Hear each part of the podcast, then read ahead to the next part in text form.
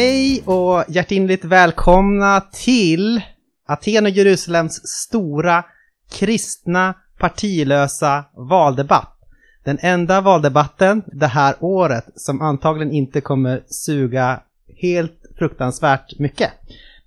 Det är roligt att jag har med mig ett litet gäng här av partilösa kristna som ska få debattera med varandra och eh, kanske fördjupa lite grann om hur vi tänker kring politik och sådär, bortom eh, den lite mera smala, om jag nu ska få använda ordet, åsiktskorridoren som eh, råder just nu i eh, svensk politik. Och eh, det är också lite roligt att det här råkar vara så att eh, alla debattörer här råkar befinna sig i vad LinkedIn kallar för eh, Göteborgs Greater Metropolitan Area eller något sånt där, eh, tror jag att de säger. Så jag tänkte att vi kan väl ta och eh, gå en liten presentationsrunda. Vilka har vi med oss? Vi kan börja med John kanske, som är närmast i bild för mig. Ja, jag heter John Kvarnero och bor som sagt i Göteborg. Jag är numera pastor i Floda, i kyrkan. Eh, skrev en bok för fyra år sedan som heter Politik efter Gud, återkomsten. Eh, som fick lite uppmärksamhet innan pandemin tog över allt annat. Eh, där jag företräder eh, vad man kanske kan kalla någon slags postliberal hållning. Det är några år sedan nu, man ändrar ju sina ståndpunkter, men jag ska försöka stå för en del av detta i alla fall, beroende på hur samtalet utvecklas. Jag är också med i föreningen Valv engagerad där lite administrativt och bakom kulisserna. Joel Halldorf är det kanske starka namnet utåt. Så jag får väl slå ett slag för detta också. kom ett fantastiskt nyspel idag om mat. Eh, regenerativt jordbruk och, och matproduktion och hur vi kopplar det till det andliga och eviga. Härligt. Och så har vi Olof med oss. Ja, Olof Stenlund Tamber heter jag. Jag bor också i Göteborg, i Kolltorp. Det ligger utåt Partillehållet lite grann. Um, jag är medlem i Matteuskyrkan som är en liten EFK-församling som nu också är EFS-ansluten. Uh, ehm, jag har läst en del statsvetenskap och har ett visst partipolitiskt förflutet. Men, uh, men jag säger som Henrik Torehammar att det där var bara en uh, ungdomsgrej. Men jag har varit med i Liberala ungdomsförbundet en gång i tiden. Och jag ska då representera frisinnet eh, här. Och se om det finns någon frisinnad mer än jag i Sverige och vad den i så fall tycker om att jag claimar den titeln. Det finns väl en tidskrift i alla fall, frisinnad tidskrift. Mm. Som inte är så frisinnad kanske, men ändå. Nej, det var faktiskt ämnet för min C-uppsats en gång i tiden. Mm att följa den frisinnade liksom, idéutvecklingen via frisinnad tidskrift. Jag landade i att de slutade vara frisinnade ungefär runt millennieskiftet. Mm. Och eh, sist ut har vi Johanna. Hej, Johanna Hadin heter jag. Ja, jag bor ju i Hammarkullen i Göteborg. Då. Jag är med i kommuniteten Oikos, en liten EFS-grupp som har funnits här drygt tio år. Eh, jag är socionom och jobbar med vuxna i akut hemlöshet. Jag eh, får väl vara den här då anarkisten, även om det är, eh, ja, vi får se hur anarkistiskt eh, samtalet blir och jag vet inte exakt vart jag står i Om det börjar gå över till att men, du föreslår så att jag vill ha en stark stat och sånt där, då kanske du har lämnat. ja, ja, men precis. Men ja, det...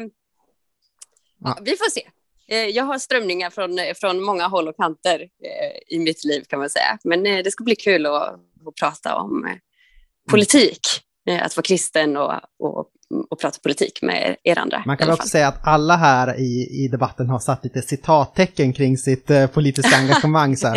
Så ni behöver inte liksom vara mm. jättearga på dem om de säger någonting som ni inte tycker om.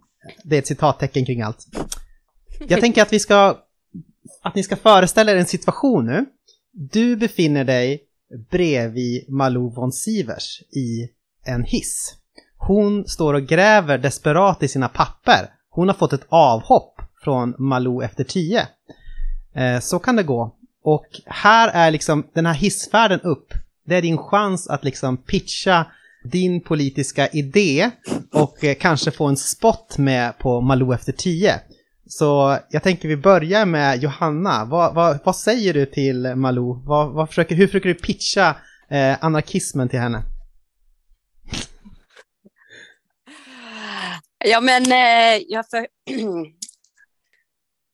ja, men att det är uppenbart det här med partipolitik handlar ju så, så mycket om eh, att liksom kompromissa hela tiden eh, med varandra och att alla blir liksom missnöjda och alla lägger liksom så mycket tid och pengar och energi på att eh, bråka och så blir liksom ingen nöjd. Ska vi inte bara tänka om? Ska vi inte se till dem som bor eh, nära varandra till närområdet? Där vi, liksom, vi som lever, det kan vara olika konstellationer, mindre grupper, det kan vara liksom större. Samarbeta och göra upp eh, andra sätt att arbeta fram eh, liksom gemensamma, eh, en gemensam, gemensamt samhälle och lokala överenskommelser på ett annat sätt.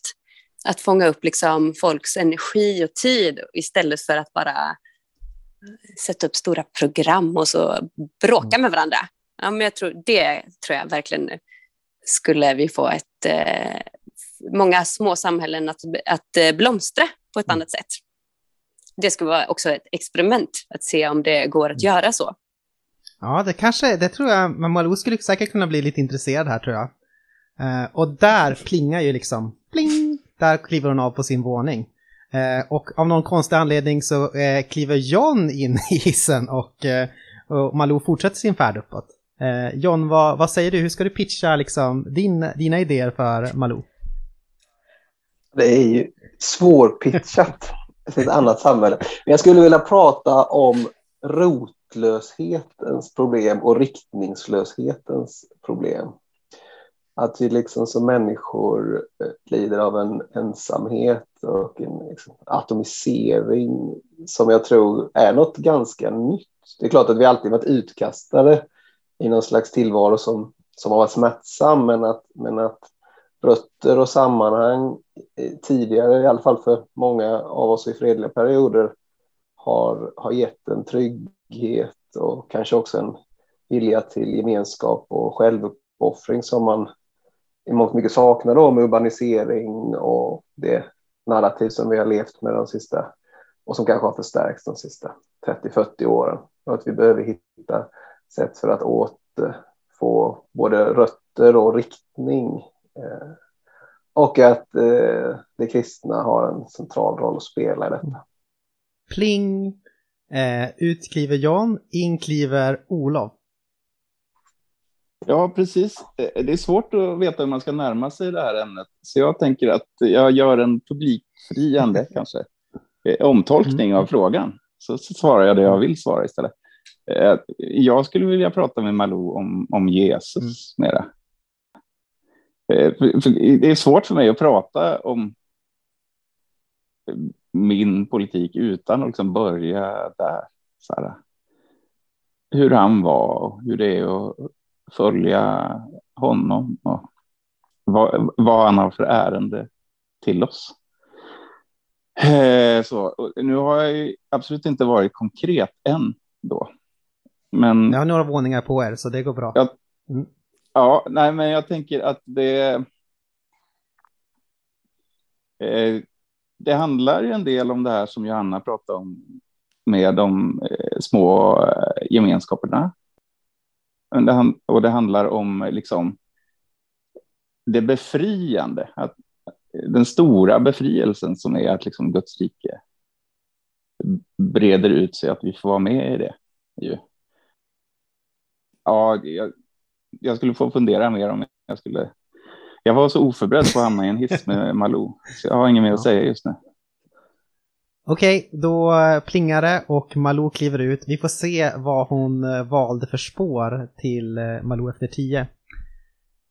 Jag kanske börjar med dig Olof då.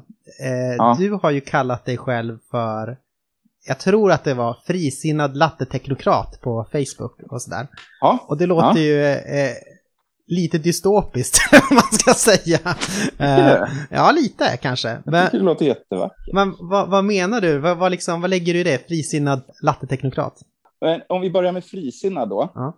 tänker jag att det är, är liksom en ganska konkret historisk strömning inom liberalismen i Sverige, men också i andra länder som i Storbritannien till exempel.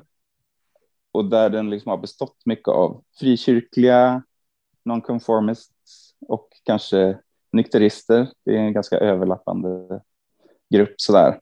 Men om den vanliga normalliberalismen handlar mycket om eh, förnuft och eh, eh, ja, men ganska, ett ganska högmodernt sådär, upplysningsprojekt så är kanske frisinnet mera förankrat i, i en gemenskap som vet att de inte har tolkningsföreträdare, att de är liksom lite utanför majoritetssamhället, eller i alla fall tror att de är det.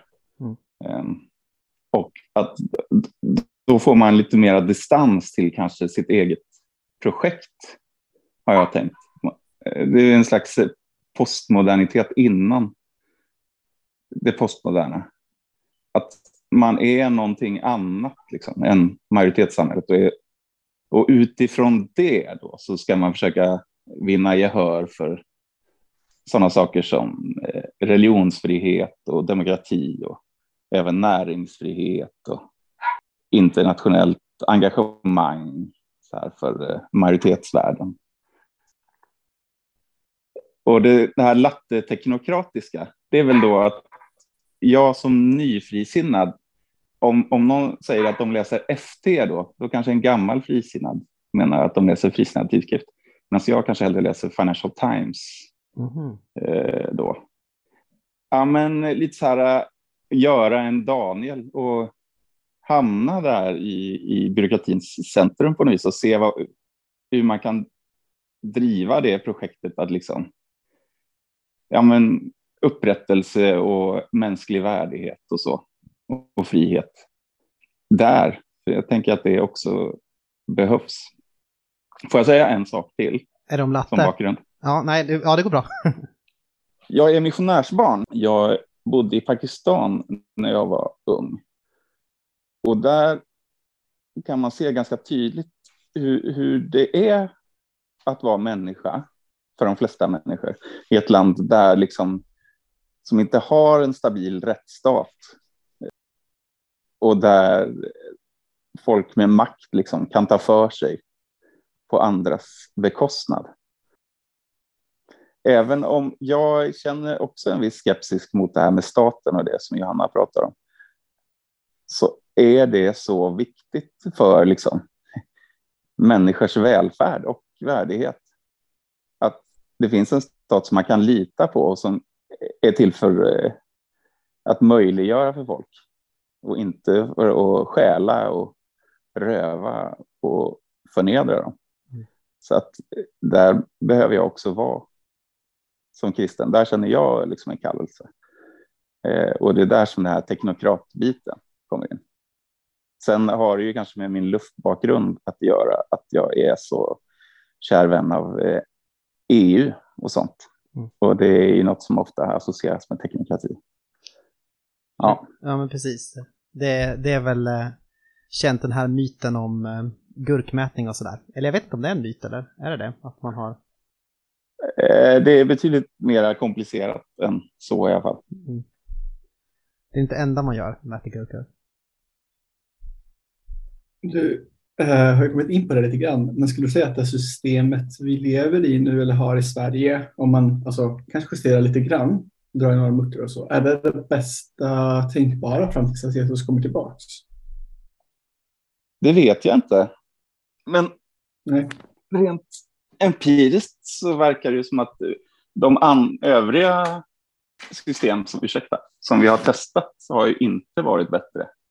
Eh, jag ju äldre jag blir, desto mer tänker jag att målet är inte att frambringa någon slags utopi eller så här Guds rike på jorden på det viset, utan det är som det finns en liberal som heter Judith Sklar som är, eh, ja, hon är från Baltikum från början, men fick fly därifrån på grund av diverse totalitära regimer som svepte in däröver.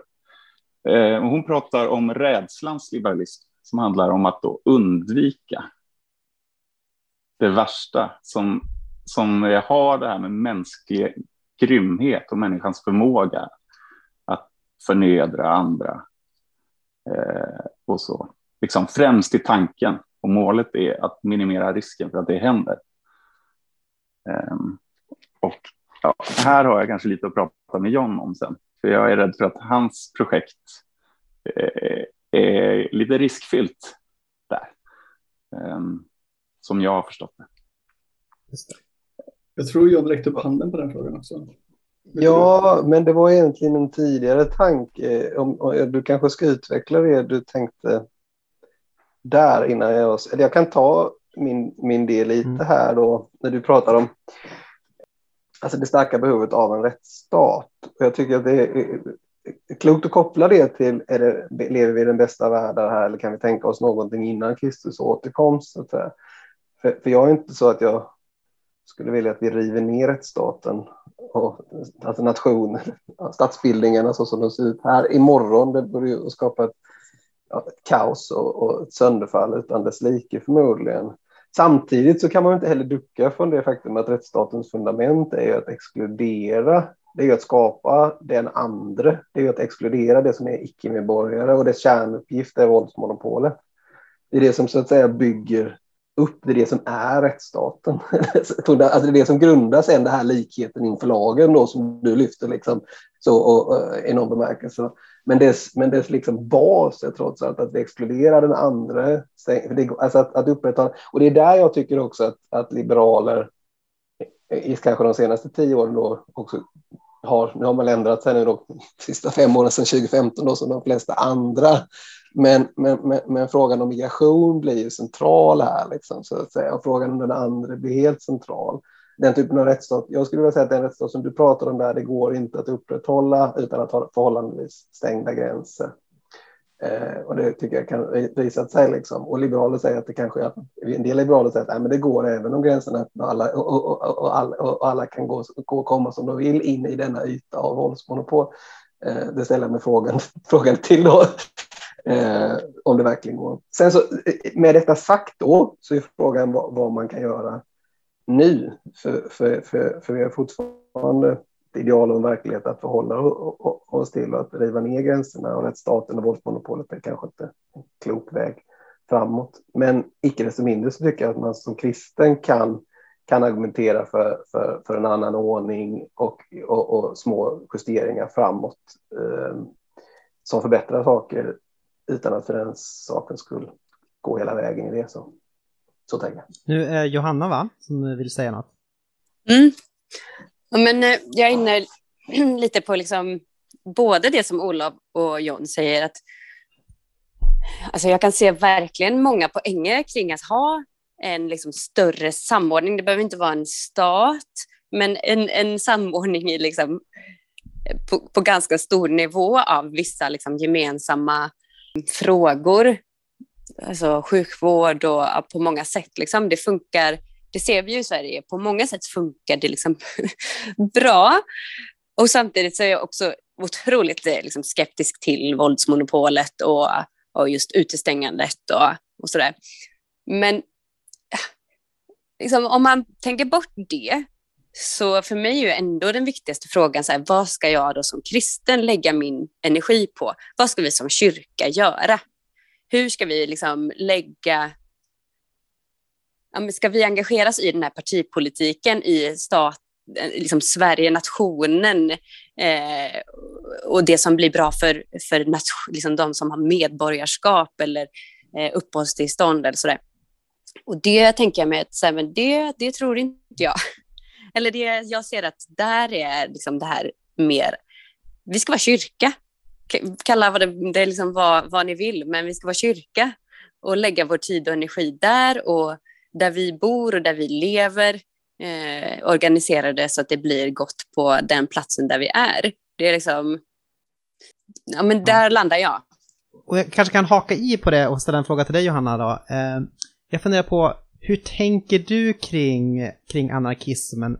Um, man kan ju tänka på det som kanske som ett färdigt mål eller som en, en utopi som man ser framför sig. Eller ska man tänka på det mer som ett sätt att liksom verka i den här världen och så får man liksom se vart det leder på. Det är mer som ett eh, eh modus operandi eller sådär.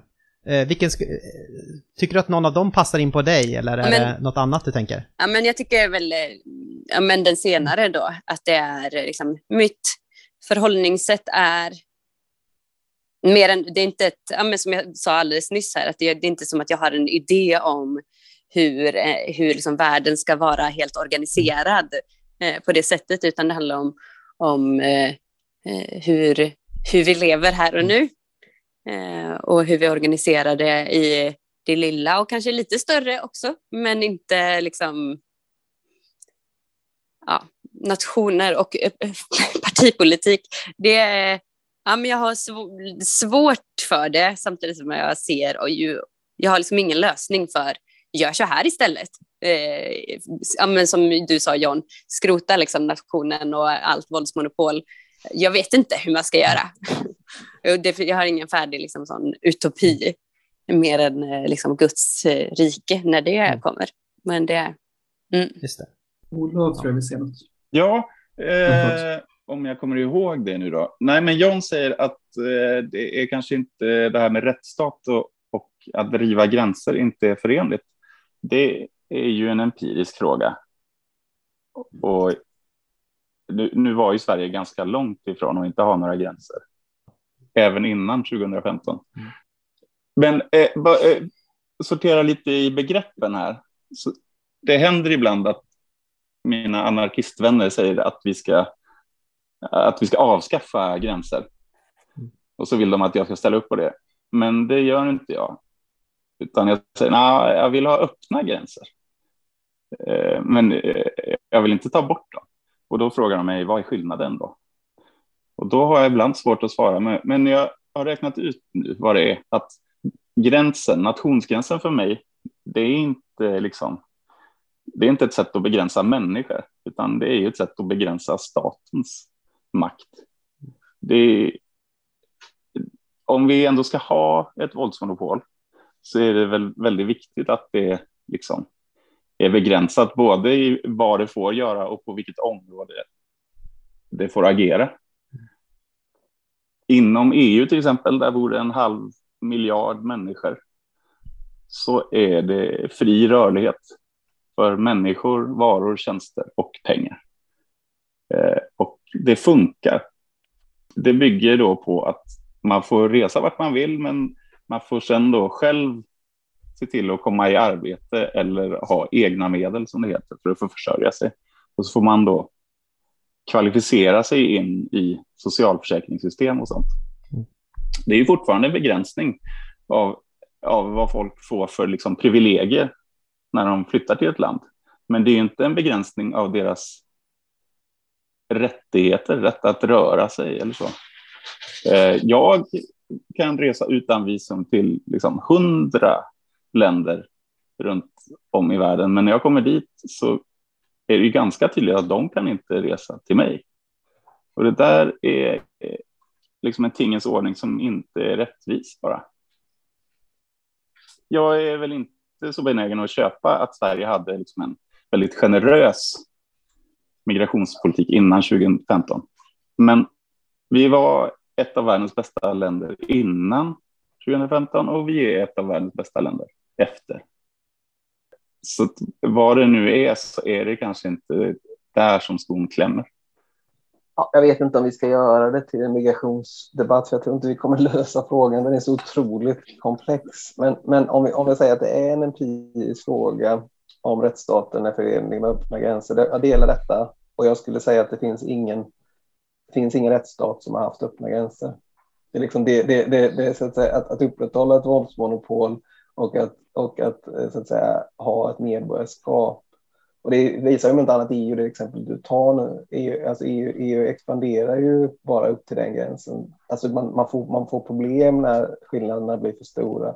mellan länderna, man, får, man stänger gränserna mot Turkiet, man stänger gränserna österut, man stänger gränserna. När, när liksom människor blir för fattiga och skillnaderna blir för stora, då är man inte välkommen in. Så att säga. Och det är liksom, och det är då någon slags fundament fundamentum för att du ska kunna skapa den här ordningen och den här tryggheten och den här likheten inför lagen. Och, och jag tycker inte att det faller inom det utopiska. Alltså jag tycker inte man som kristen kan tycka att det är att den ordningen är tillräckligt bra för att vi liksom ska nöja oss med det fram till att Jesus kommer tillbaka. Jag tycker att vi ska försöka vara kreativa och tänka i andra banor.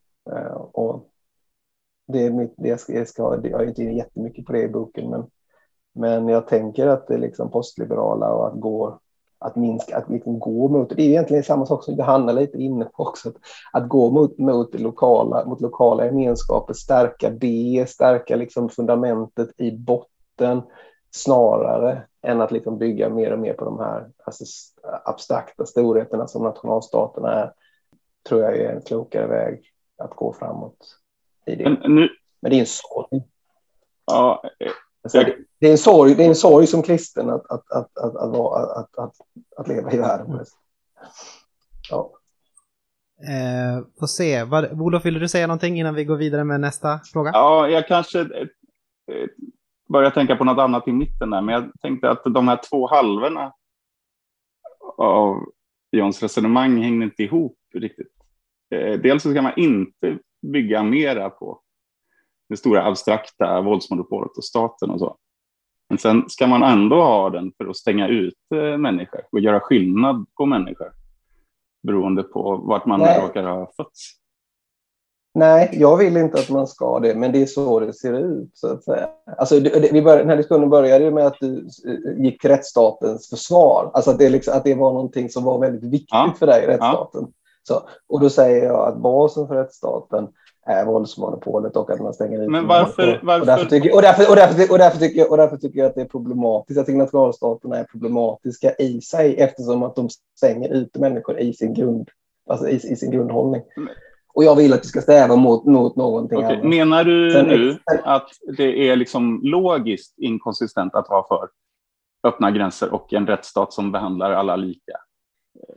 Ja. Jaha, varför det? Ja. Därför att alltså rättsstaten, nationalstaten bygger på medborgarskapet. Och medborgarskapet det är liksom grunden för nationalstaten. Och, då, och, och, och det, det, finns inga nationalstater som välkomnar alla. Har aldrig funnits. Jag tror inte heller att det kommer att finnas. Och, där, och, därför, och därför är nationalstaterna problematiska. Men eh, eh, jag ja. förstår inte varför man måste vara medborgare för att eh, den ska stå under lagen och behandlas som andra människor. Ja, varför? Därför att det är medborgarna som så att säga står under Men vi har lagen. jättemånga människor som inte är medborgare i Sverige som ändå måste följa svensk lag och som eh, svenska staten måste följa sina egna lagar i hur den förhåller sig till de människorna. Men du, men du tänker alltså, du tror alltså att det skulle kunna fungera, att man har helt öppna gränser, att alla får röra sig precis som man, så, så, som, som man vill över jorden. Eh, det finns, det finns inga gränskontroller någonstans och att vi fortfarande har rättsstat och, och, och polisväsen eh, och ett våldsmonopol och ett domstolsväsen som fungerar. Vet du vad? Är det är det, det du argumenterar för? Nej, vet du vad? Det är, eh, det är mänskliga rättigheter och rättsstat är som demokrati. Det är liksom inte ett statiskt tillstånd. Antingen så är man det eller är man det inte, utan det är en vektor. Antingen så är man på väg mot det eller så är man inte det. Men på marginalen kan jag ju säga att där vi är nu, det är en större kränkning av människors medfödda rättigheter än vad jag är beredd att stå ut med. Mm. Särskilt vi, på, när det har... gäller folks rätt att röra sig. Att det är så orättfärdigt och ojämnt fördelat mellan hur jag får röra mig och hur andra människor får röra sig. Det är inte okej. Okay. Det, det, håller, det håller jag fullständigt med om. Men jag håller inte med, med, med, det håller jag fullständigt med om. Men jag håller inte med om att EU som system och nationalstaten som system är ett, liksom, är ett ideal väg att gå framåt för att lösa det problemet. För jag tror att det finns en grundläggande motsättning med, i, i, i, systemet och de öppna gränserna. Sen har inte jag någon perfekt lösning på detta. Jag måste gå in i, i, samma, i samma fälla som Johanna där, så där. Men jag tror att man har, att man har, och det finns ju en motsättning där, men jag tror att man har få problem när man bygger bygger nationalstaterna starka, bygger även sådana institutioner som EU starka, eftersom att jag tycker att de bygger på exkludering. Och som kristen, och som kristen Då har vi ett litet eh, streck just i den här uh, subdebatten här och uh, går vidare. Vi kan säkert återknyta till, eller jag är säker på att vi har chans att återknyta till den här stora debatten längre fram. Viktor? Men om vi, John, du har gått in på det lite, men vad är det som är så fel med liberalismen att man måste sätta ett post framför det?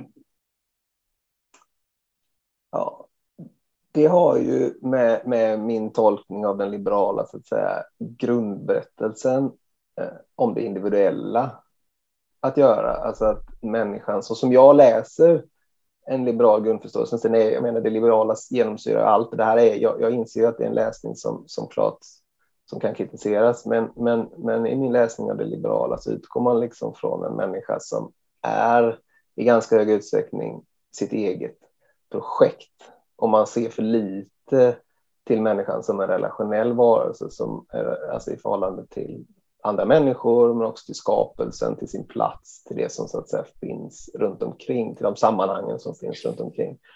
Och det som byggs och skapas i, i de sammanhangen. Och att vi när vi bygger och skapar så måste vi göra det i, i, i kontinuitet med våra sammanhang. Och mer än som så att säga fria eh, eh uppsplittrade delar som springer åt helt olika håll så att säga.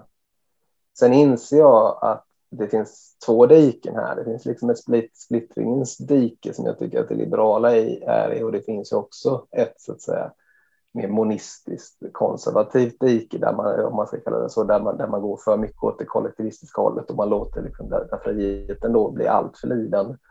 Så mitt, min ambition är att försöka hitta någon typ av syntes där man ser, där man, där man, där man eh, söker både ordning och frihet och enhet och mångfald.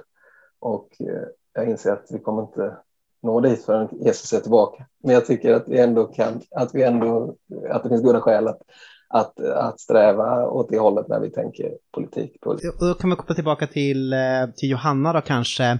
Jag funderar på, du kanske inte heller skulle liksom, skulle du, du kanske inte heller skulle sätta in dig i, i det liberala facket eller sådär.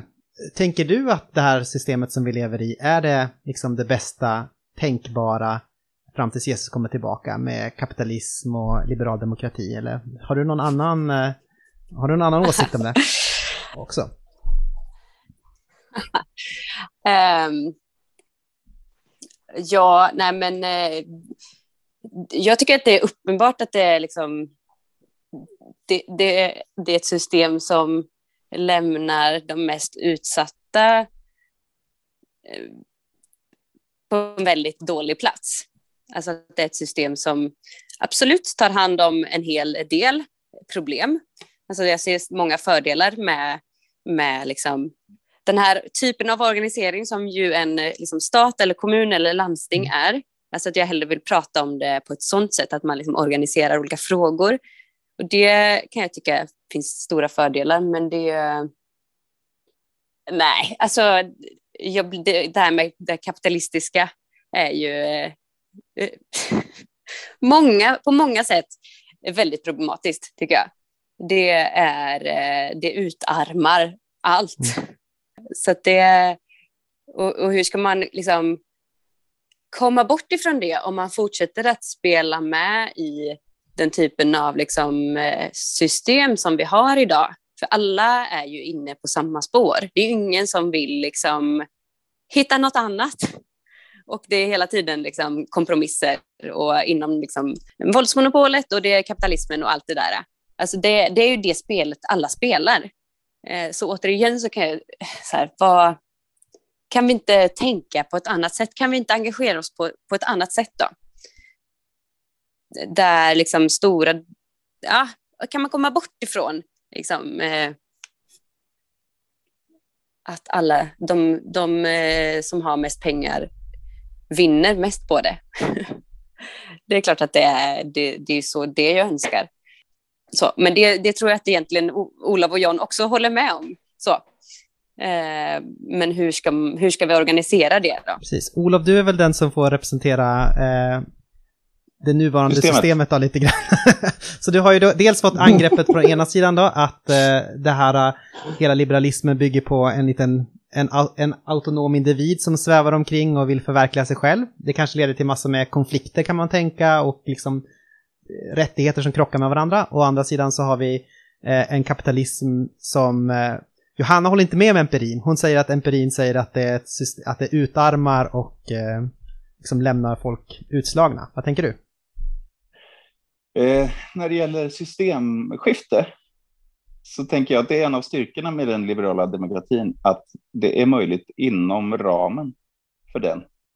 Man kan liksom starta Konsum mm. inom den liberala demokratin. Och eh, eh så här, HSB och eh, det är ju som den där andra typen av anarkism som ni pratar om, som jag inte har någonting emot. Mm. Att man liksom eh, bara struntar i staten och går samman och organiserar sig för sina intressen. Det tycker jag är jättehärligt. Och Folksam och ni vet, Fonus och Unga mm. Örnar. Mm. Jag är inte så intresserad av kapitalismen på det viset, utan jag, och inte av tillväxt heller. Jag är intresserad av eh, att människor får liksom bestämma över sig själva och eh, får, får eh, ja, men ses som värdiga på något vis att vara eh, vuxna människor. Och då tänker jag, alternativen då brukar bygga på att man liksom avskaffar eller inskränker på något sätt människors värdighet i någon form. John vill till exempel avskaffa näringsfriheten och eh, avtalsfriheten och införa ah. skråväsende. Eh, om... Det har jag väl inte skrivit någonstans. Jag tänker att vi återkommer till skråväsendet. det, är, det är den stora valfrågan, skråväsendet, i den här valrörelsen. Men det, och där kan jag ja, det reagerar jag på, att man pra, att prata så mycket om frihet, om individens frihet. Alltså det... Ja, men där, där jag vill istället se så här, men vi är helt liksom beroende av varandra, att vi behöver skaffa, liksom gå samman och skaffa gemensamma liksom, förhållningssätt och gemensamma regler där individen är, alltså jag är en av alla. Jag kan inte göra precis som jag vill. Min frihet är inte liksom, det högsta målet. Det kan inte vara det. Individens Nej. frihet kan inte vara det, för då på bekostnad av liksom... Ja, det var bara en sån... Eh, som jag alltid reagerar när folk pratar för mycket om frihet för individen. Ja. För att vi är eh, så otroligt beroende. Och framförallt som kristna, tänker jag, så är det så viktigt att, eh, att se oss i ett sammanhang där vi lever, men också liksom, historiskt och sådär. Ja, jag var oklar. Jag kan, jag kan förtydliga mig, men jag tror att John måste få försvara sig först kanske. Jag, jag tyckte ändå att det var ett roligt angrepp. Alltså jag tycker inte att, jag vet att jag anklagades för att gå väldigt långt av, av Timbro och så, men jag tycker inte att det är sant. Jag tycker att mina, mina förslag är väldigt hög speglar det som redan finns i tysk, delar av Tyskland och, och Bayern. Att, alltså att, att, att, företag, i alla fall av en viss storlek, ska också behöva inskrivet att man tjäna sitt lokalsamhälle, att vissa delar går till välgörande, välgörande eh, alltså att, att, att, att, att syftet med ett aktiebolag inte bara ska vara vinst, utan att man ska, kan tänka sig att ett syfte också i någon mån ska vara att tjäna det samhället man lever i. Och att, jag tycker inte att det är en inskränkning som liksom är omöjlig för ett, för, ett, för, för ett fritt näringsliv. Och skråväsen, det har jag inte argumenterat. Så jag argumenterar för att man kanske ska stärka den typen av organisationer som Företagarna utgör idag och Målariförbundet utgör idag och att man liksom bygger eh, ja, alltså bygger kring den typen av, av advokatsamfundet, en sån en perfekt, en, den typen av organisationer som bygger mer på, på liksom relationellt egen kontroll, kontroll, kontroll av, kring, kring människor som kan den här sektorn. Så, och att det och jag är också väldigt tydlig med att det här är kreativa förslag som behöver tänkas vidare kring. Så, så att jag tycker att det är en vantolkning. Det är min, min, min, och rent personligt så har jag också, är jag född som bonde och företagens son. har drivit företag i 15 år. Så att jag, allt, allt för ett fritt får, får man ge bara en liten så här äh, bakgrund kring äh, skråväsen kanske?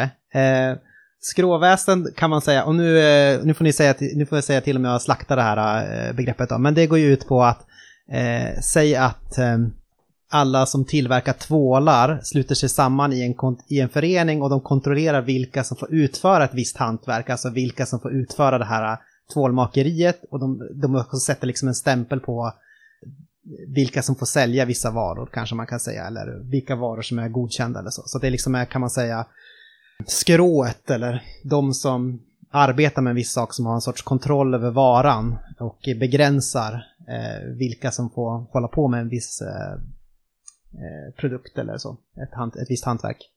Och det, man skulle ju kunna se det som ett icke-planekonomiskt sätt att liksom se till så att massor med skitvaror inte liksom flödar över marknaden och sådär. Alltså att man eh, kan begränsa liksom lite onödigt resurs, resursanvändande på det här sättet och man kan tänka sig att det ger en viss eh, yrkesstolthet. Men eh, det här är inte alla för. Olof till exempel räcker upp handen, han är tror jag emot. Ja, nej men John, var det inte ändå så att du tänkte att de här korporationerna, eller vad man ska säga, eh, företagarföreningarna, att de skulle ha ett ord med i laget om vem som får etablera sig i den sektorn.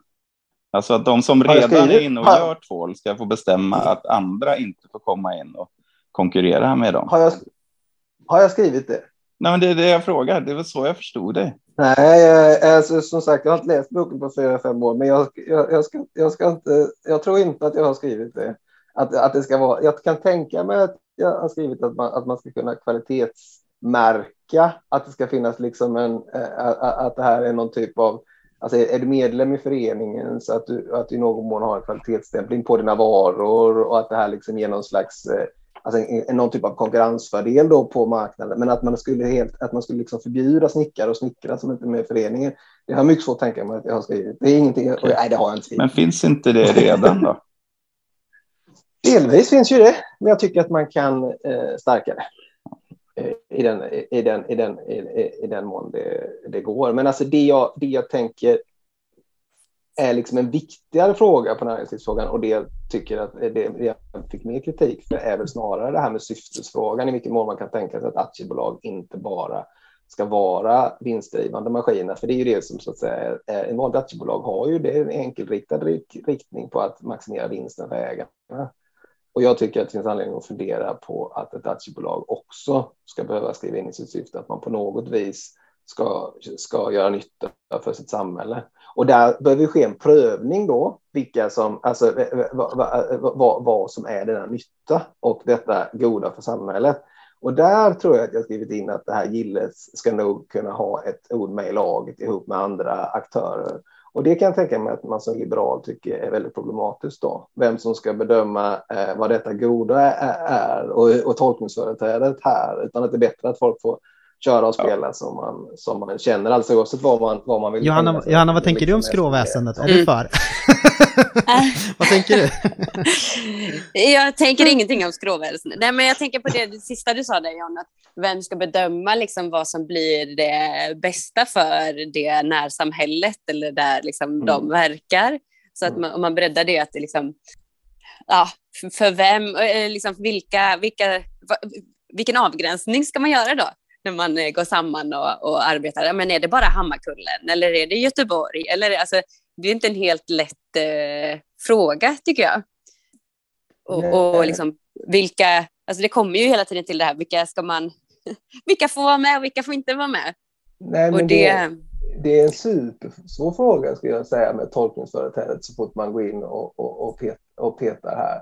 Samtidigt mm. tycker jag också att det är ytterst problematiskt att, att aktörerna kan agera precis. Helt fritt. Precis, och vi, och vi har ju detta. Vi har ju detta med alkohol, alltså alkoholsfrågor, en del spel och, och så vidare. En del, eh, så, alltså det reglerar, en del saker mm. regleras ju.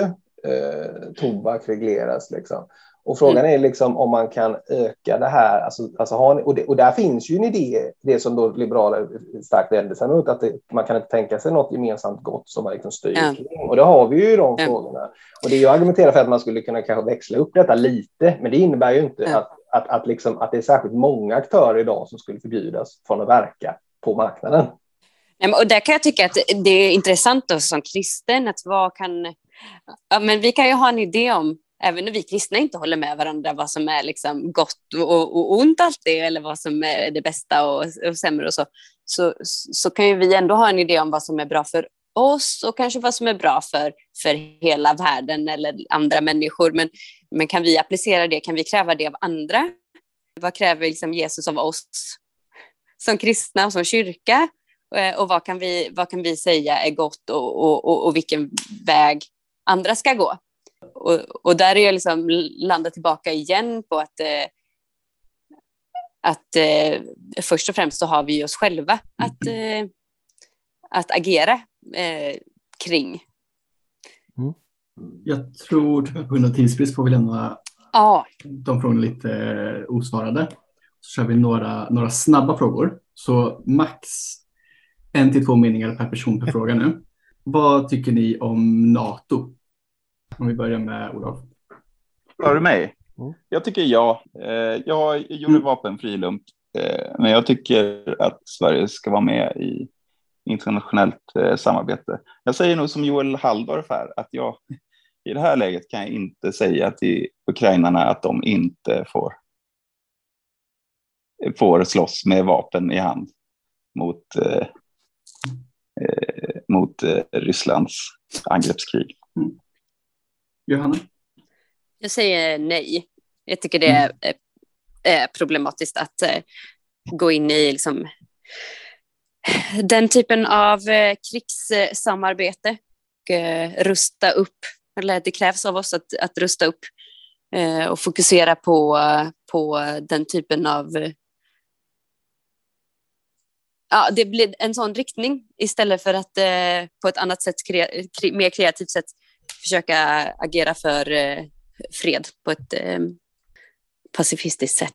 Eller mer fredligt sätt i alla fall. Ja. Jag, jag kan inte svara på frågan. Jag, jag, det, är, det är en av de här absolut svåraste fråggerna. Och det, här tyckte, jag- alltså det är en av de frågorna jag inte har riktigt kunnat sätta ner foten på de sista 20 åren. Och jag kan inte sätta ner foten tydligare efter Ukraina-kris.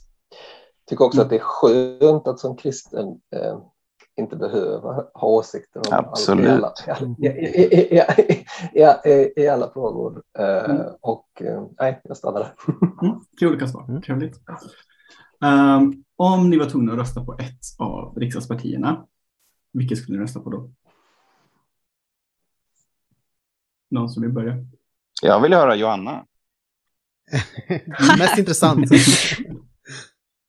Ja, det... Ja.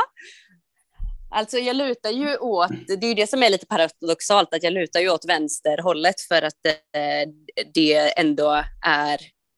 Jag tycker att det gynnar eh, de, de svaga mest. Samtidigt så är det ju... Ja, det här med att jag inte riktigt tror på systemet eh, så gör att ah, det lutar åt vänster eller åt eh, att inte rösta. Vi får se. Det är ganska stor skillnad i de två svaren, men eh, vi får se. Mm. Mm. Torbjörn? Ja, alltså jag tycker att det är så otroligt svårt. Jag, jag tycker det blir svårare och svårare för varje val. Och jag tycker Mm. det, i, i år så är det, är det nästan omöjligt. Jag, jag tror att jag kommer rösta blankt.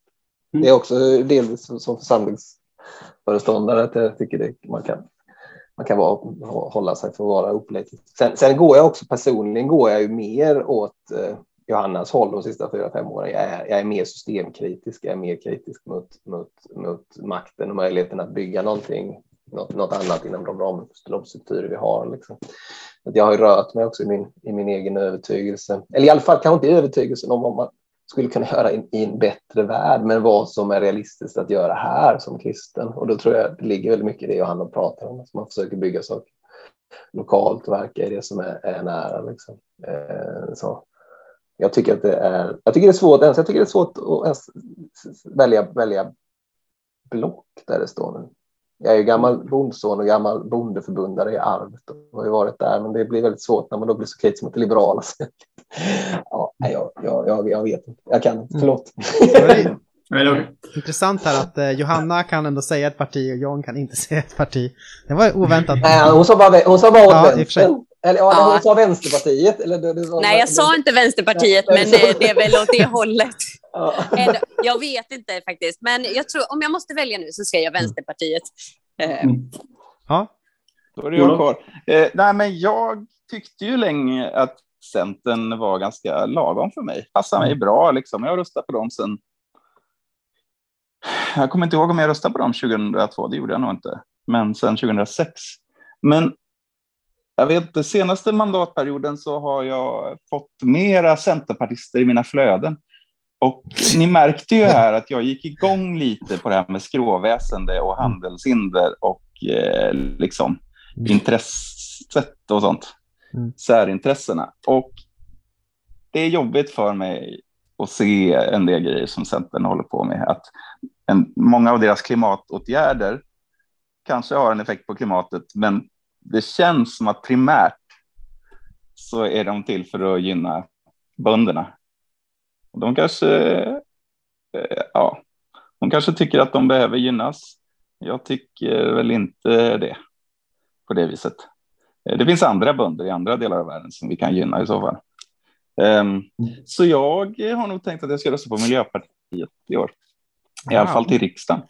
Sen har jag inte bestämt riktigt på de andra. Mm. Mm. Och det har också Ja, att göra med att migrationspolitiken är ju det andra området där jag verkligen går igång.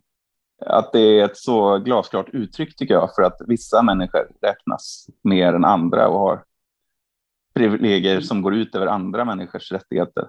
Och där tänker jag att Miljöpartiet är bäst på att vara, Mm. tycka som jag.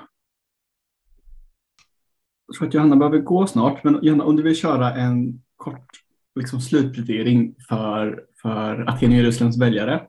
Varför liksom, bör de välja att närma sig anarkismen då, eller det du står för? Uh, och sen så kanske John då kan fortsätta efter du har lämnat.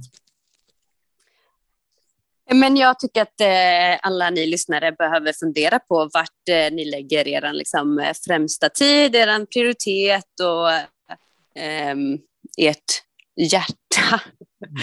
eh, och vilka, ja, men vilka ni genom liksom, er tid och era pengar eh, älskar.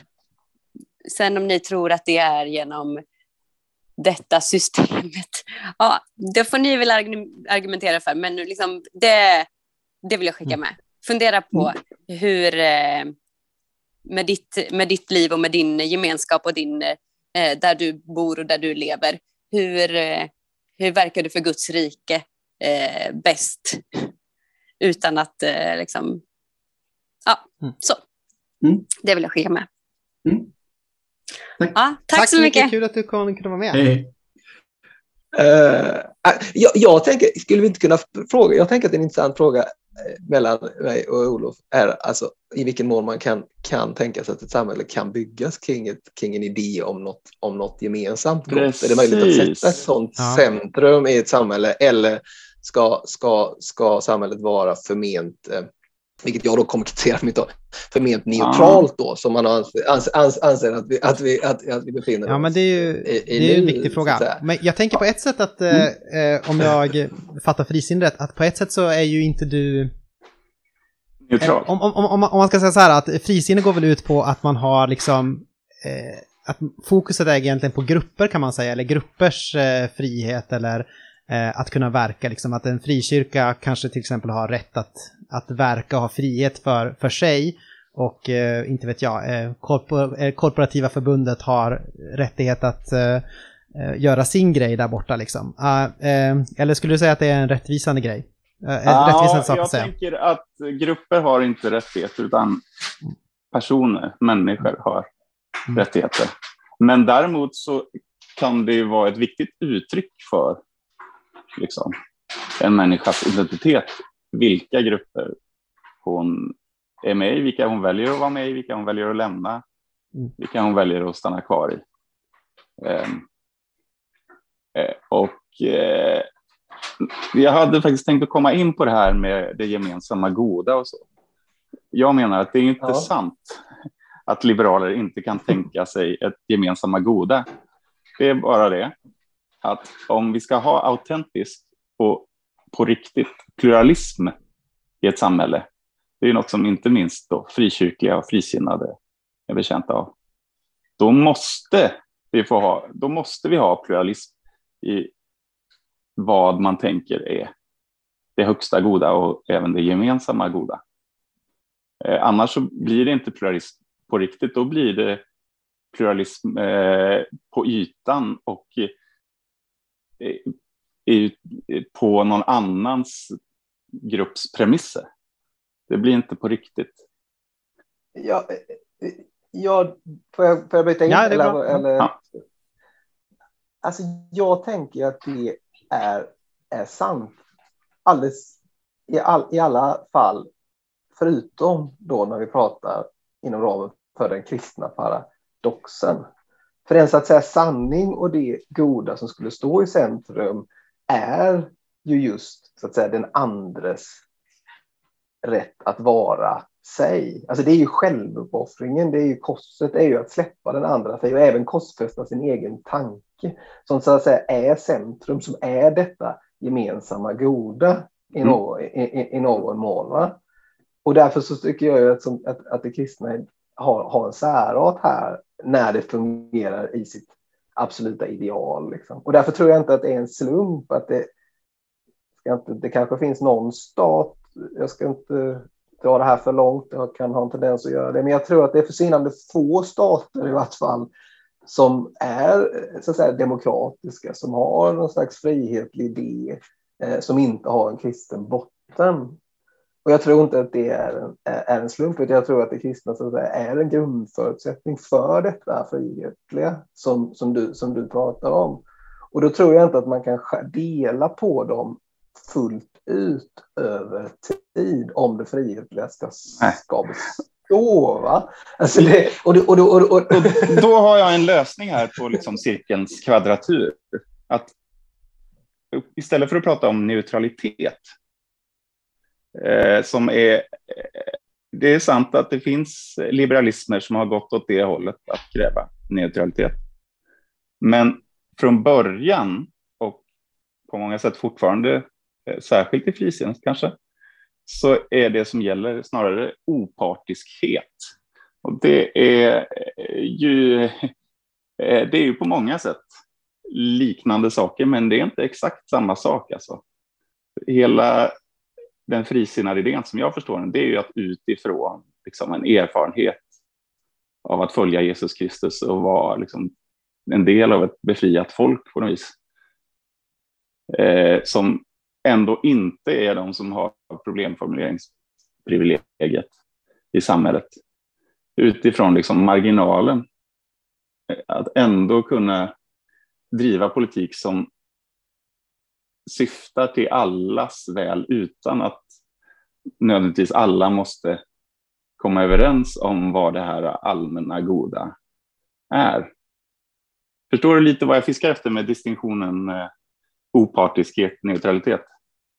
delvis eh, eh förstår jag. Jag skulle vilja hucka in mer i det sista du säger där, att alla ska komma överens om vad det allmänna goda är. Det är ju naturligtvis inte möjligt, framförallt inte om man går ner i någon slags detaljerad eh, nivå.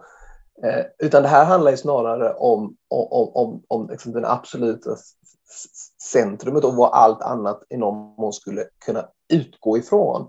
Och där tror jag att om man överhuvudtaget ska kunna bygga, och, det, och jag tycker också historien visar, alltså fungerande statsbildningar, nu är vi tillbaka till den här staten som då kanske är problematisk i sig, men fungerande statsbildningar, fungerande ordningar, där finns det någon typ av kollektivt konsensus om vad som är det högsta goda. Det ligger liksom underförstått och det gör det också där vi är nu. Jag tycker mycket av det du pratar om som frisinnad är präglat av just, Ja, av just Ja, detta. precis. Och då Alltså, behöver vi så- inte ha så här, staten, tänker jag. Det, det, Men det är- får jag, får jag fråga Ja. en liten kommentar här? Om man ska problematisera det här med eh, opartiskhet och så. Är inte ett problem att eh, i, om vi kan säga, din, eh, den liberala världsordningen som vi har att eh, vi vet att vissa saker är problem och vi vet att vissa aktörer är problemet. Men vi måste stifta lagar som är liksom allmängiltiga Ja. som gör så att det slår mot fel. Eh, alltså det, det liksom Du tänker det- muslimska friskolor är problemet, men Nej, nej, men jag, jag tänker egentligen på det här. Alltså jag tänker GDPR, tänker jag på. Alltså, Ja. om du tänker det, där måste man stifta en lag som egentligen är till för att man måste reglera hur eh, några stora monopol i Silicon Valley, hur de hanterar data liksom. Det är det som är syftet med lagen egentligen, men för att man måste liksom ha en, att man måste pro, eh, producera en opartisk lag, så slår den mot fel grupper och liksom slår mot eh, de här små gemenskaperna längre ner. Alltså om du har en fikalista så är det liksom ett brott nästan. Alltså, så, eh, om du inte liksom har, om inte folk är medvetna om att de har, att du lagrar deras uppgifter på den här fikalistan. precis. liksom. Du är pastor, va? Var det så? Eh, jag var pastor, ja. Ja. Precis. Ja. Precis, det är sånt där som pastorer tänker på. Ja, men John, du har ju skrivit om det här, va? att liksom avreglering och så kräver i andra ändan väldigt påreglering. Att när plötsligt verksamheter marknadsutsätts och eh, integreras uppåt och så eh, strukturomvandlas så måste staten in och reglera i detalj väldigt många saker. Visst stod det? Ja, ja, något sånt har ju skrivits fram. Men det är väldigt många processer som har samverkat här de sista, också då 30-40 åren. Att det här, det är en sak, men det är en sak, alltså lagstiftningens paket som sådant har ju exploderat in på, på väldigt massa områden, vilket ju är problematiskt eftersom att lagar alltid är generella och inte stöd till det partikulära. Men lagstiftningsdelen kanske inte är det stora problemet. Det, det stora problemet är väl snarare avtalssamhället och policysamhället. Att det här liksom tanken om om ja, men det du kanske pratar om opartiskt. Alltså, det, alltså att, det, att det generella styr, och det är väl det teknokratiska, det är roligt att prata om. Alltså det, om du pratar, definierar det som teknokrati, teknokrat, det är, det är ett stort problem där med, med, med just generell styrning i alla verksamheter, i offentlig sektor, i bolag, i, i, alltså det är en slags likformighet, en slags maskinellt tänkande som, som influerar, alltså som kommer från statsbildningarna och där är det naturligtvis nödvändigt, inte minst straffrätten. Alltså det är klart att man måste ha likhet inför lagen och generella lagar när det kommer till straffrätt. Men det är som att detta sätt att tänka liksom genomsyrar fler och fler arenor, vilket jag inte tror är, är, av, av, av, av, av, är av godo egentligen. Är av godo då? Olof? Eh, nej, Ska vi reglera mera? ibland. Jag, ja, jag är intresserad av fria marknader, men jag tänker inte att fria marknader och regleringar står mot varandra. Men det där är alldeles för lång diskussion att ta nu. Ni kan eh, gå på Wikipedia och läsa om ordoliberalism. Mm. Ska ni läsa lite i The Economist om att lagstifta principer istället för i detalj eh, utfall eller hur det är han uttrycker sig. Eh, Men eh, jag har inte så mycket att säga om det. Tror jag. Ska vi köra slutplädering då? Är det dags? Ja, men nu har jag ju redan sagt det jag skulle där om det eh, allmänna goda och det. Ja. Så nu vet jag inte vad jag ska säga. Säg det igen. Så kanske alltså, upprepningar. Precis. Det, är- det, är- det är inte helt ovanligt att man upprepar sig i eh, debatter. Kommer tillbaka till sin talepunkt. ja, men John, du kan väl köra din slutplädering då? Så länge. Ja, men jag vet inte. Alltså, jag, jag har ju svårt, jag har redan sagt att jag har svårt att plädera så väldigt starkt för min sak. För de senaste fyra, fem årens utveckling på många plan har ju gjort mig mer, alltså mer frihet. Det är egentligen mer skeptisk till idén om att, om att om, om, omforma, alltså bygga något helt, något helt nytt. Katolska socialläraren är, kan vara en, en källa där. Så, att säga. så jag har ju lite svårt att liksom, stå och argumentera stenhårt för det här, för det här eh, projektet. Eh, jag, jag kanske ändå kan återknyta till eh, vikten av det här gemensamma goda, för där tror jag ändå att vi har någonting eh, som, som, som har gått eh, förlorat. Eh, och jag tror att det finns någonting i att det finns en motsättning att säga, som Olof sa, att vi kan inte ha någonting av detta i staten. Det, kan vara, det, det, det får vara helt, helt, någonting helt separat och bara odlas eh, så säga, utanför staten i, i, i, i, i de gemenskaper som finns. Samtidigt som vi ser att, att, att alla de stater, i princip alla de stater som existerar och som värnar friheterna kommer från en kristen bas. Och i den mån den här basen, den kristna basen och staten eh, seglar isär mer och mer och mer och mer och mer, alltså den kristna grundidén, när de, om de liksom separeras och dras isär, så tror jag att man kommer till någon typ av brott där det här frihetliga och den här grundidén om, om, om, om allas så att säga, lika värde, det som liksom är basen för demokratin, riskerar att fallera och den här staten baksida istället exploderar, det vill säga det exkluderande, det är liksom rent vinstoptimerande, det teknokratiska. Medan det som, som, som, som staten har, har, har, har, har vårdat i form av, av det frihetliga och människans värdighet riskerar att komma starkt i skymundan och försvinna. Att vi går in i en maskin som inte tar hänsyn till detta. Det tror jag, det tror jag är en fara. Ja, men det var, du lyckades ju slutplädera. Tycker ja, tycker jag. ja. Och nu kanske du fått eh, ammunition för din slutplädering. Eh, ja, jag. precis. Jag sa det till en kompis där innan att det är svårt för mig att säga vad jag är för, men det blir väldigt tydligt när jag är emot någonting. Eh, sådär.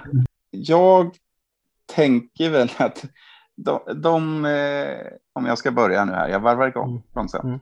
Mm. De stadsdelbildningar som John pratar om som har varit lyckade, det har ju också i någon mån varit de liberala demokratierna, alltså i alla fall som jag definierar lyckad. Att man eh, eh att människor är, kan leva fria och värdiga liv. Eh, och där man minimerar grymheten och så. Och då tänker jag kanske att det är så att, eh, att den, den kristna vägen inte är, det ligger i det kristna att inte fastställa eh, ett, eh, ett gemensamma goda för alla människor. Att det, Särskilt inte när det handlar om en så speciell organisation som staten och våldsmonopolet som har rätt att använda våld mot folk och tvinga dem till lite olika grejer och i sista hand eh, ta livet av dem under vissa förutsättningar. Det där blir väldigt eh, tvingande och att jag återkommer också till det här med att frisinnets bidrag inom liberalismen är medvetenheten om att inte vara i centrum. Och därmed också att alla är inte som jag. Och då finns det en tänkare också som heter, också eh, kommer från Baltikum, också fick fly på grund av olika eh, totalitära regimer som välde in där, som heter Isaiah Berlin, som pratar om liberal pluralism. Och då är det så att olika konceptioner av det goda. Även om man är överens om några grundläggande rättigheter så kan det vara så att man prioriterar olika bland dem, på marginalen formulerar dem olika och att de här rättigheterna kanske inte går ihop i ett enda liksom, pussel, utan att de inte är helt förenliga. Eh, och då blir det ännu lurigare att försöka bygga ett enda stort urverk för hela samhället via staten där alla ska vara överens om ett gemensamma goda. Utan då, det vill jag gärna lämna till församlingen. För jag tror att uh, if ever I would stop thinking about music and politics, I would say that the personal the personal revolution is far more difficult than the first step in any revolution.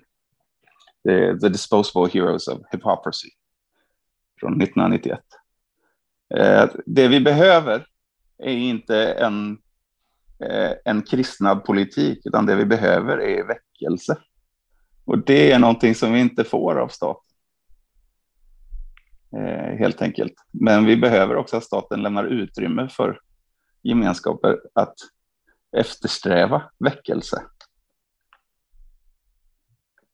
Men autentisk frihet till det innebär också frihet att göra andra val. Får jag säga några ord eller så måste vi dra det? Ja, du kan väl säga några ord då. ja. Nej, men jag, jag delar väldigt mycket av detta Olof, Olof säger egentligen. Det märks i debatten, vi går ju lite runt varandra. Men, men jag tänker att det finns ändå spänningar här som är svåra att, att komma runt. Att vi å ena sidan inte ska ha gemen, det, det, något gemensamt gott. Ja, inte att staten inte ska fastställa men, men, men, Nej, men, stat, men, men, men, men allting i staten skulle jag säga i väldigt hög grad ändå vilar på en underförstådd... Alltså, det rättighetskatalog som är liberal vilar ju på en idé om det gemensamma goda. Alltså straffrätten vilar ju på en idé om det gemensamma goda. Grundlagen ja. vilar på en, en idé om det gemensamma goda. Att vi inte, att vi inte får döda med alla människors värdighet. Alltså, saker det finns ju redan i centrum, så att, så att säga. Och det är det jag det är där jag ser en risk att det eroderar och försvinner eftersom att allt det kommer i hög utsträckning ur det kristna. Alltså icke-kristna länder har inte detta. Nazist, alltså nazist, nazismen uppstod ju som, som en antikristen statsbildning så, där detta lämnades därhän fullt ut. Och det är problematiskt. Men en, en kommentar där, skulle man inte kunna säga att eh, Ungern är ett försök att skapa en sorts eh, ny, att kristna en politik i någon mån. Eh, ja, det är väl riktigt... betydligt vanligare att fascistiska regimer försöker att, att kooptera eh, kristendomen än att de försöker att eh, eh, liksom stryka den helt och hållet. Vi har ju till exempel, ja men eh, korporatismen har vi ju, är ju både, fanns ju som en katolsk variant och eh, blev ju liksom omgjord kanske, eller jag vet inte, till en fascistisk variant också. Så det... Mm, nej men absolut, det finns, risk, det finns risker här. Det, så är det. Det kan vi inte ducka för heller. Det, visst är det så. Eh, ja, om vi ska lämna det här med nazism och fascism kanske, det är lite laddade termer. Men om vi pratar om den auktoritära populismen som finns ja. nu, eh, då, så är det ju en trend som jag ser. Det är inte bara i USA, utan det är i Brasilien och Uganda och Filippinerna och Ghana och hej och lite varstans. Att den här äh, auktoritära högern söker, äh, ja men, att de äh, vill ha och också får liksom stöd från eh, bibeltroende kristna eller vad man ska säga. Eh, så att jag är inte så orolig för att, eh, för att de eh, bibeltroende kristna skulle få för lite inflytande över staten. Utan snarare att de får för mycket, för då slutar de snabbt att läsa ganska stora delar av Bibeln. Eller i alla fall att förstå det de läser och praktiserar. Mm. Ja, det ligger mycket i det så... ja, vi drar, jag, jag tänker vi drar direkt. Jag tycker ändå att ja, Men det var, det var väldigt ja. bra, bra slutord också på något sätt, eh, tycker jag. Eh, mm. Det är bra, nu eh, har vi fått in de stora politiska frågorna om det finns ett gemensamma goda som vi kan få fram mm. politiskt på något sätt eller som staten kan ha ansvar för. Jo, det är men, en ganska eh, rejäl fråga. Får jag säga en sak till? Det här med att vara missionärsbarn. Jag är uppväxt då i ett muslimskt land som har blivit mer och mer islamiserat sedan 80-talet, Pakistan. Eh, och där är det ju så naturligt så man tänker inte ens på det själv, att man eftersträvar ett slags gemensamma goda som bygger på islam, även om man inte är islamister kanske mm. på det viset. Eh, så är det liksom, man tar för givet att det är det här som är det gemensamma goda. Det, det det har ju vi alltid vetat. Eh, och eh, jag identifierar mig ju mest då med den kristna minoriteten i Pakistan och har sett då hur det går för de människorna i de här två procenten. När det, det blir en väldigt stark uppfattning om det gemensamma goda som blir exkluderande för dem. Att det är inte förenligt med deras eh, värdighet många gånger. Och här håller jag med fullständigt. Eh, och det var det jag var inne på i början, att den kristna paradoxen har ju, är, är ju en absolut nyckel här. Det är ju att det gemensamma goda är att släppa den andra fri. Alltså det är ju frihetstanken som gör att detta skulle möjligtvis kunna vara möjligt. Och att det är kristna länder som, alltså kristna länder som det frihetliga demokratiska har vuxit fram. Så det har ju helt och hållet att göra med att det gemensamma goda skulle växa ur detta kors som bygger på självuppoffring, som bygger på självuppoffring av den egna tanken, som bygger på att släppa den andra fri. Det är liksom det som är centrum. Något annat gemensamt gott är inte möjligt att bygga något frihetligt kring. Men, eh, eh och, nu spinner vi runt här, men skulle man då egentligen behöva politiker som är eh, dygdiga och eller kristna liksom för att det här ska fungera? Eller kan man bygga det här gemensamma goda utan, utan eh, personer med dem eh, som stammar ur den etiken som, som liksom bottnar på något sätt i bekännelsen om liksom den här självuppoffringen? Jag tror ju som Olof där att det vi behöver är väckelse. Jag är inte för någon revolutionär samhällsomdaning, utan det vi behöver är väckelse. Det är därför jag jobbar som pastor i kyrkan. Jag tycker att ni ska få äh, säga någonting om vem Jesus är och vem vi ska inte göra nästa. Och sen så kan Johanna få spela in det och skicka in det. Eller vad? Eller känns det okej? Okay, Okej, okay, vi har ju, om ni, om, ni fort, om ni ännu inte har panik och kris att ni behöver springa någonstans så kan ni väl få göra det. Tänker jag. Mm, vänta ett ögonblick.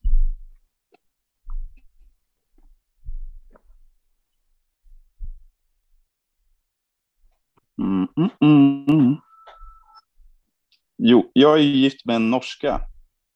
Och om man är gift med en norska då kan det hända att man lyssnar på Björn Eidsvåg. Och då har jag tänkt, när jag, ibland när jag har lyssnat på Aten och Jerusalem, vad skulle jag säga? Ni får ställa frågan bara. Ja. Vem är Jesus? Vem är Jesus? Ja. Då har jag tänkt att jag kanske skulle säga så här.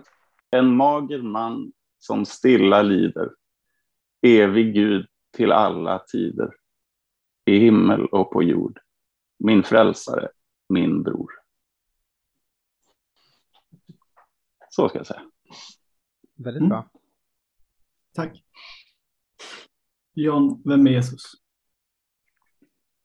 Han är himmelen och jordens eh, skapare som gick och vandrade eh, bland oss, dog för våra synders skull och vände där med hela kosmos, hela världens rörelse från det nedåtgående till det uppåtgående. Och verkar idag med sin ande och ska komma tillbaka i härlighet.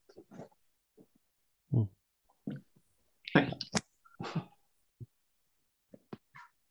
Ja men gött. Jo, är, vem borde vi intervjua i Aten just nu? Om någon. Eller alltså någon, men om ni har någon mer. Om någon implicerar att man borde lägga ner podden så. Då, jag känner Nej, men eh, om man vill veta, du kan ju få ge dina tips på de här postliberala, John, men du tackade ju Josef Bengtsson i början där va? Ja, det kan jag tänka mig. Honom skulle du kunna prata med. Han är katolik nu, men eh, mm. han kan vara värd att prata med ändå. Vi har haft ett antal katoliker i podden. Han är katolik och sen så är han på omvärldsanalytiker på Länsstyrelsen numera. Han är inte kvar i Sara. Han är väldigt, han är, han är, han är god. Vi träffas i, i samband med det. ligger ju nära till hands att tänka att han inte är kvar i Sara om han är mm. katolik. Mm. Nej, nej, det blir lite så. Men det är tråkigt för, för Sara. Mm. mm. eh, ja, vem skulle ni ta och intervjua?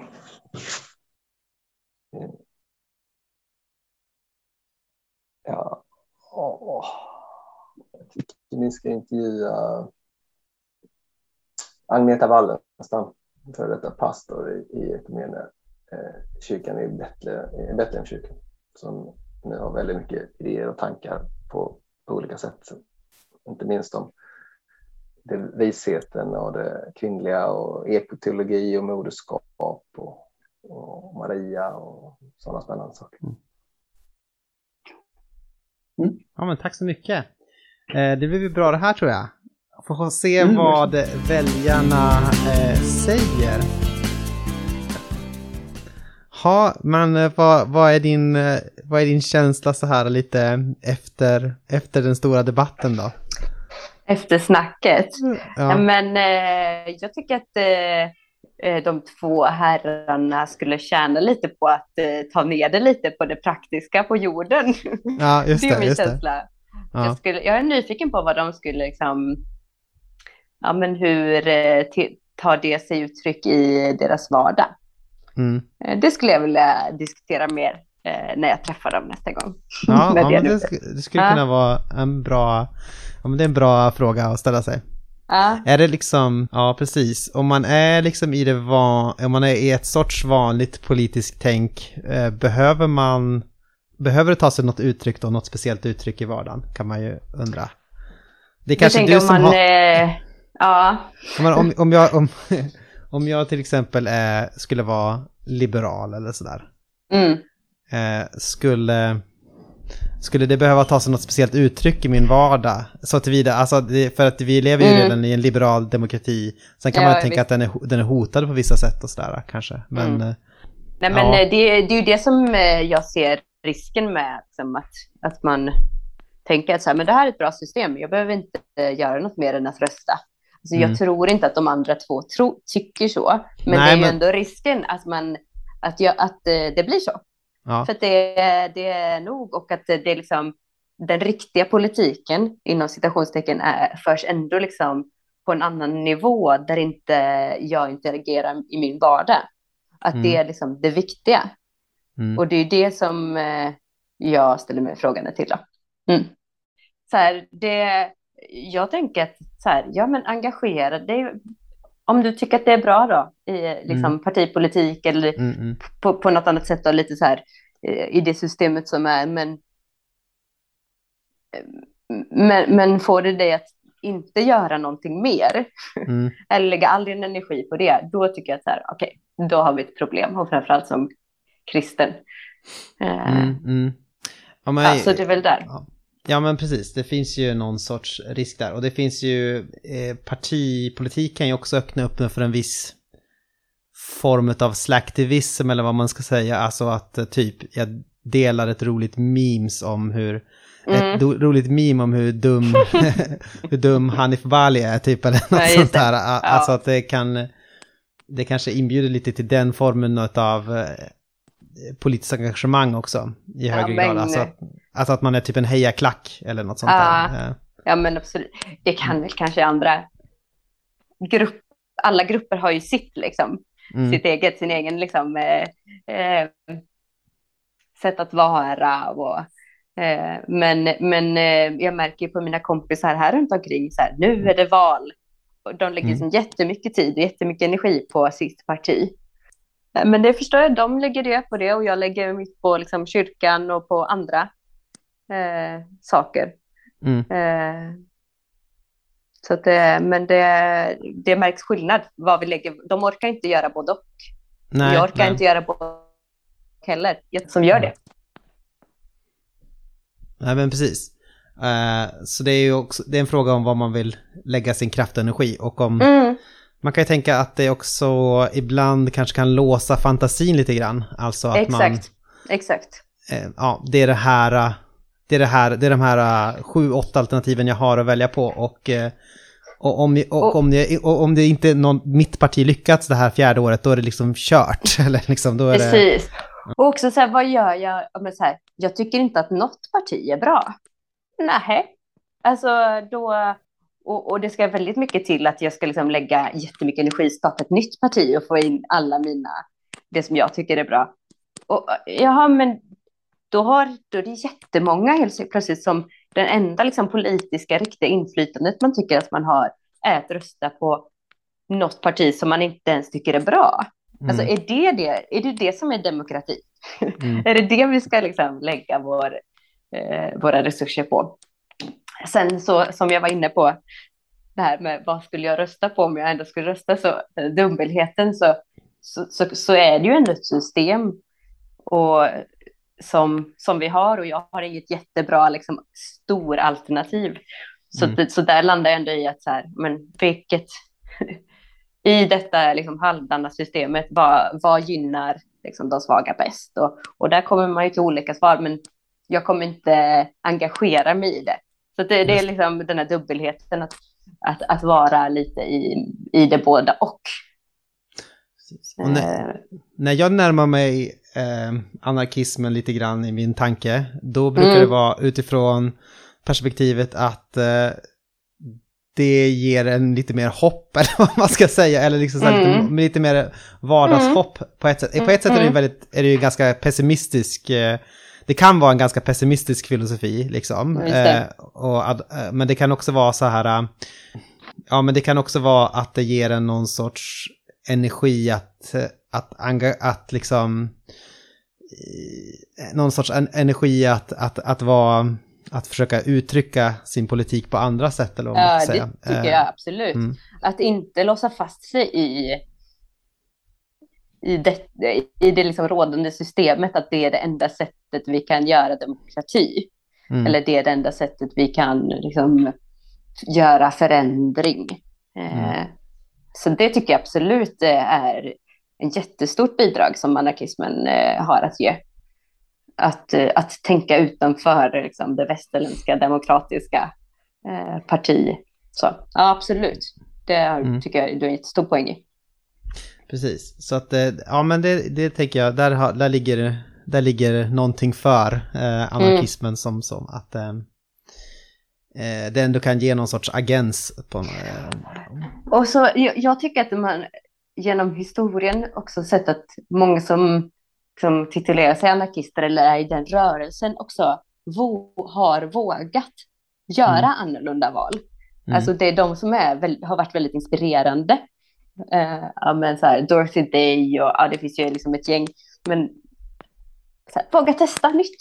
mm. Bara, ja, men vara liksom riktiga aktörer även fast det inte passar in då, Mm. i systemet. Så man vågar säga sitt och vågar gå emot. Och, Ja, men precis. Jag, det tror jag, eh, men verkligen. Du har ju, har ju berättat det i ett annat tillfälle när vi inte spelade in att eh, din brorsa var syndikalist eller är fortfarande syndikalist Mm. och sådär. Att där är det också en tradition som är liksom, eh, ja men väldigt mycket do it yourself attityd liksom så här istället för att Mm. sitta och gnälla på LO liksom eh, precis. hemma Bara i låt sitt oss gå hus. samman då Ja. och, och gör någonting vi här eh, i vårt eh, lilla område. Ja. Mm. Vi behöver göra någonting åt eh, vägarna. Mm. ja, men precis. Jag tänkte vi har ju de här två frågorna som vi brukar ställa till eh, våra gäster och eh, Olof och John har fått möjlighet att svara på dem så jag tänkte att eh, du också skulle få möjlighet att svara på dem. Och Mm. den första är eh, Vem är Jesus Kristus? Men eh, bara så här kort och gott, eh, världens, skapelsens räddare och eh, ursprung och kan man säga slut? Jag vet inte, jag säger ursprung. ja, räddare ursprung. Men eh, det finns, ja. Så, så svarar jag. Det blir bra. Och så undrar jag också eh, Vem tycker att vi borde intervjua i Aten och Jerusalem? Eh, jag tycker att ni borde intervjua min vän Elin Kärrow Svensson. Hon är fantastisk, klok person Ja. som har eh, mycket kloka tankar. Hon har bott en del i Etiopien och såklart en del i Sverige. Men hon har mycket kloka tankar kring ja, hur det är att leva i ett rikt land i en Mm. värld där det är mycket fattigdom. I andra delar av världen till exempel. Mycket annat också. Mm. Vad var det med Elin och så var det Hon heter Elin Kärrow Svensson. Nu, Ja. ja. Ja. Mm. Ja, det låter bra. Det ska jag kolla upp. ja, gör det. Ja. Eh, men eh, tack så mycket Johanna för det här lilla extra, extra snacket här. Ja, men tack. Vad kul att jag fick frågan.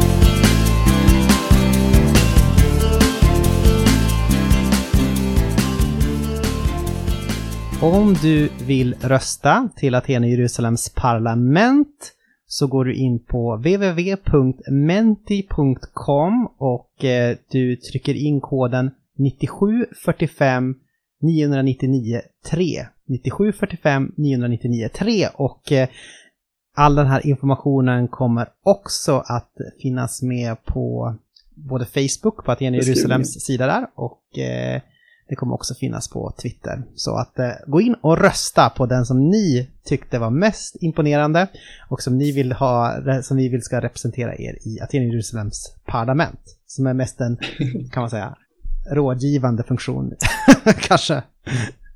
Som inte, det finns inte riktigt. Men hur som helst. Eh, Ja. Ja. Kul. Hej då! Hej då. Blod och eld. Blod och eld.